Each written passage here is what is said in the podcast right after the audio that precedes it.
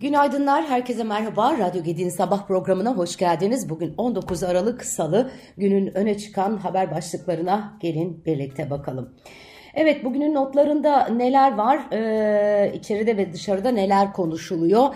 Ee, Sonucu merakla beklenen asgari ücret görüşmelerinin ikincisinde de bir rakam çıkmadı. Dünya ise Sisi'nin Mısır'daki üçüncü seçim zaferini konuşuyor. E, bu arada Papa İsrail'in yaptığı terörizmdir diye çok ciddi bir açıklama yaptı. Katoliklerin ruhani lideri Papa Francis pazar günkü haftalık konuşmasında Gazze'de yaşanan insani duruma dikkat çekerek İsrail'in bölgede terör taktikleri kullandığını söyledi. Açıklamada bölgede bir kiliseye ait e, komple komplekste iki Hristiyan kadının İsrail güçleri tarafından öldürülmesinin ardından geldi. Papa Francis iki kadının kiliseye ait yerleşkeye yürüdükleri sırada keskin nişancılar tarafından vurularak öldürüldüğünü söyledi. Gazze'de çok vahim ve acı haberler almaya devam ediyorum diyen Papa silahsız siviller bombardımanların ve silahlı saldırıların hedefi oluyor. Bu teröristlerin değil ailelerin, çocukların, hasta ya da engelli insanların, rahibelerin bulunduğu kutsal aile kilise kompleksinin içinde bile oldu. Bu bir savaş, bu bir terörizmdir. Bu arada Gazze'de hayatını kaybedenlerin sayısı 20 bini aştı diyorlar. Cumhurbaşkanı Recep Tayyip Erdoğan e, Macaristan'da Macaristan Başbakanı Viktor Orban başkanlığında Budapeşte'de gerçekleşen Türkiye-Macaristan yüksek düzeyli stratejik işbirliği konseyi toplantısında bir araya geldiler. İki ülke arasında 17 maddelik işbirliği anlaşması yaptılar. Cumhurbaşkanı Erdoğan Macaristan'la bu yılın ilk 11 ayı itibariyle ticaret hacminin geçen yılı geride bırakarak 4 milyar dolara yaklaştığını söyledi. 6 milyar dolarlık müşterek hedefimize ulaşmakta kararlıyız diye konuştu. Orban'la e, aklettiğimiz ortak siyasi bildiriyle stratejik ortaklık düzeyindeki ilişkilerimizi geliştirilmiş stratejik ortaklık seviyesine taşıdık dedi Erdoğan. Macaristan Başbakanı Orban da Türkiye Cumhurbaşkanı Erdoğan'ın gelecek yüzyıl için çok büyük bir proje ortaya koyduğunu belirterek önümüzdeki yüzyıl sizin olacak buna inandık anlaşmalar yaptık dedi. Macar Başbakan ülkesiyle Türkiye arasındaki ikili ilişkilerin önemine işaret ederek bugün ilişkilerimizi kapsamlı stratejik işbirliğine yükselttik. Bundan ötesi daha yükseği var mı bilmiyorum dedi. Bu arada Cumhurbaşkanı Erdoğan Orban'a bir TOG otomobil hediye etmiş. Başbakan Orban ise Erdoğan'a bir Macar atı hediye etmiş. Macar atı gerçekten çok güzel böyle simsiyah güzel bir at. Bu arada Macaristan demişken e, Macaristan e, AB içerisinde epeyce bir e, huzursuzluk yaratıyor.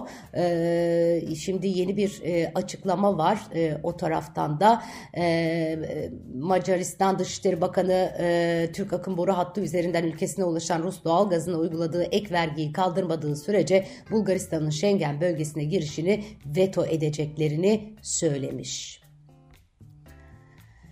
Uluslararası Kredi Derecelendirme Kuruluşu Fitch Ratings 2024 yılına ilişkin ülkelerin derecelendirme inceleme takvimini yayınladı. Takvime göre Türkiye için ilk tarih 8 Mart 2024, ikinci tarih ise 6 Eylül 2024 olarak açıklandı. Fitch en son 8 Eylül tarihinde Türkiye'nin kredi notunu B olarak teyit ederken görünümünü negatiften durağına yükseltmişti. Moody's'den de benzer bir aksiyon bekliyorduk ama geçtiğimiz günlerde hakkında değerlendirilmede bulunulması için 15 Aralık Aralık tarihini verdiği Türkiye için güncellemeyi pas geçmişti Moody's.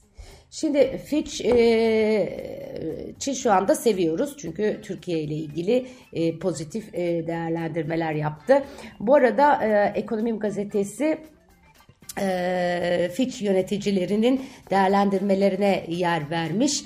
İki yıl aranın ardından Türkiye'nin not görünümünü yukarı yönlü re, re, revizyonla negatiften durağına çeviren e, kredi derecelendirme kuruluşu Fitch'ten Türkiye ekonomisine ilişkin önemli mesajlar geldi diyor haberinde Ekonomim gazetesi. Fitch yöneticileri normalleşme adımlarının yabancı yatırımcı nezdinde Türkiye Cumhuriyet Merkez Bankası'na güven kazandırmaya başladığına ancak geleneksel politikaların sürdürülüp sürdürülmeyeceği konusunun belirsizliklerin belirsizliğini koruduğuna dikkat çekti.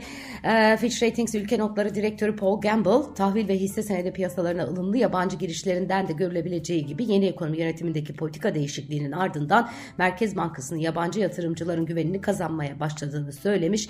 Türkiye'nin seçim sonrası politika değişikliğinin kısa vadeli makro finansal e, istikrar risklerini ve ödemeler dengesi baskılarını azalttığına inandıklarını belirten Gamble, ancak politika düzenlemesinin kalıcılığına güven gerektirecek önemli zorlukların hala mevcut olduğunu, enflasyonun hala çok yüksek olduğunu, ayrıca son dönemdeki iyileşmeye rağmen dış pozisyonun oldukça zayıf kaldığını söylemiş. Daha detaylı değerlendirmeler de var. Ekonomi gazetesinden onları da okuyabilirsiniz.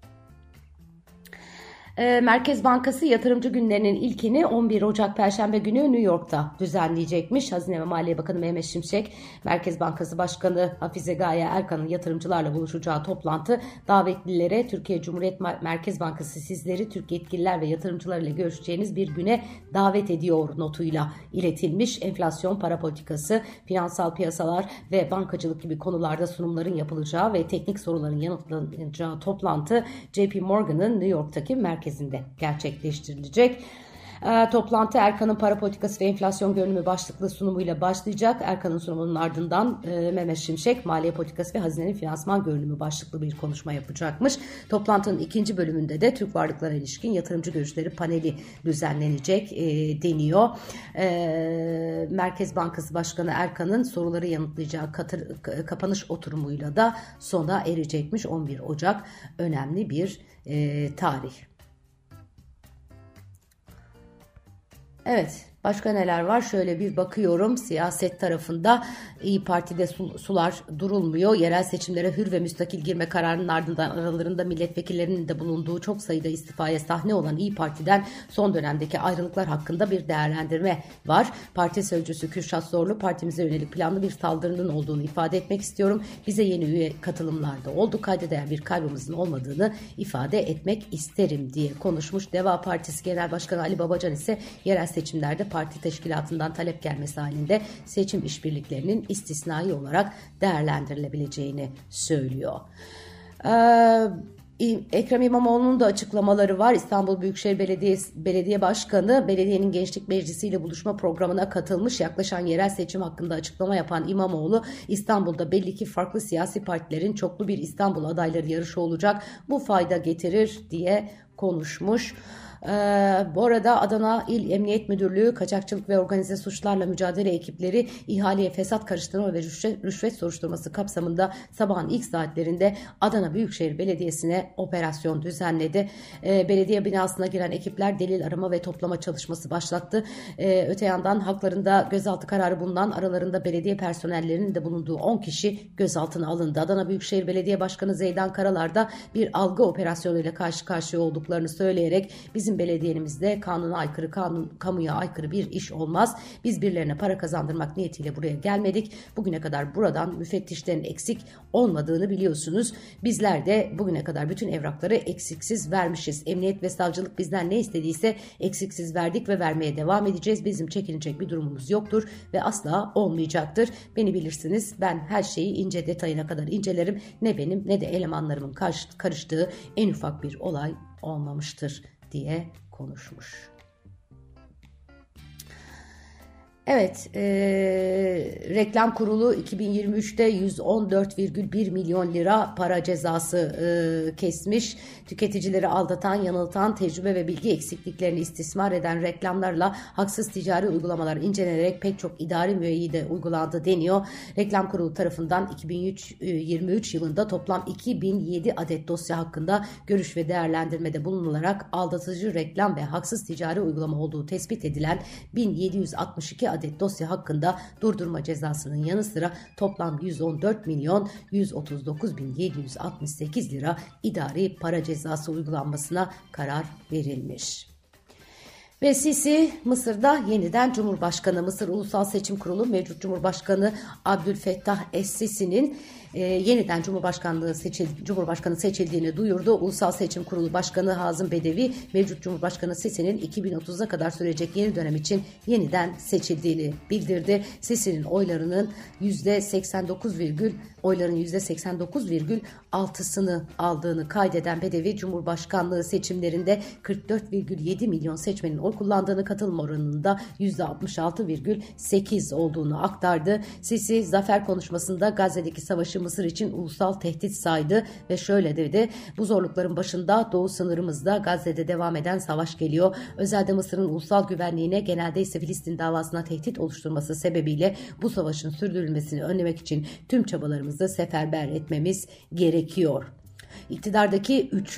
dönemine giren Sisi daha önce 2014 ve 2018'de %97 gibi rekor bir oy oranıyla Cumhurbaşkanı seçilmişti. Sisi'nin 2030 yılına kadar görevde kalması bekleniyor. 2024 e, her yerlerde e, seçim e, zamanı. Rusya'da da seçim var. Rusya Devlet Başkanı Vladimir Putin 2024'te düzenlenecek devlet başkanlığı seçiminde bağımsız aday olmasıyla ilgili belgeleri Merkez Seçim Komisyonu'na teslim ederek resmen başvuruda bulunmuş. Bu arada Avrupa Birliği Rusya'ya 12. yaptırım paketini kabul etmiş.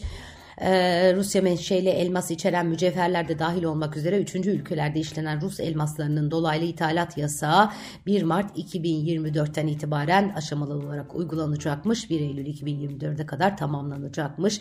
Rusya'ya ciddi gelir sağlayan pik demir, yüksek manganlı pik, bakır ve alüminyum teller, tüp ve borular da dahil yıllık 2,2 milyar euro değerinde ürüne daha ithalat yasağı getiriliyor olacak. Ee, İran Petrol Bakanı Cevat Ovci ülkedeki akaryakıt istasyonlarının %60'ında yakıt sorunu yaşandığını belirtirken akaryakıt istasyonlarında kullanılan internet sistemine İsrail'in siber saldırı düzenlediğini doğrulamış. İranlı Bakan Siyonist ve ABD'li düşmanlar diğer cephelerde darbe aldıkları için bu yolla halkı zorluk ve meşakkate sokmak istiyorlar. Bu komplo ivedilikle sona erdirilecektir demiş. E, tabii çok korkutucu bu tip gelişmeler. E, Gazze'deki e, savaşın e, orta Doğu'nun e, diğer e, yerlerine e, sirayet etmesi endişeleri devam ediyor. Özellikle İran'ın işin içine katılması epeyce büyük risklerden bir tanesi.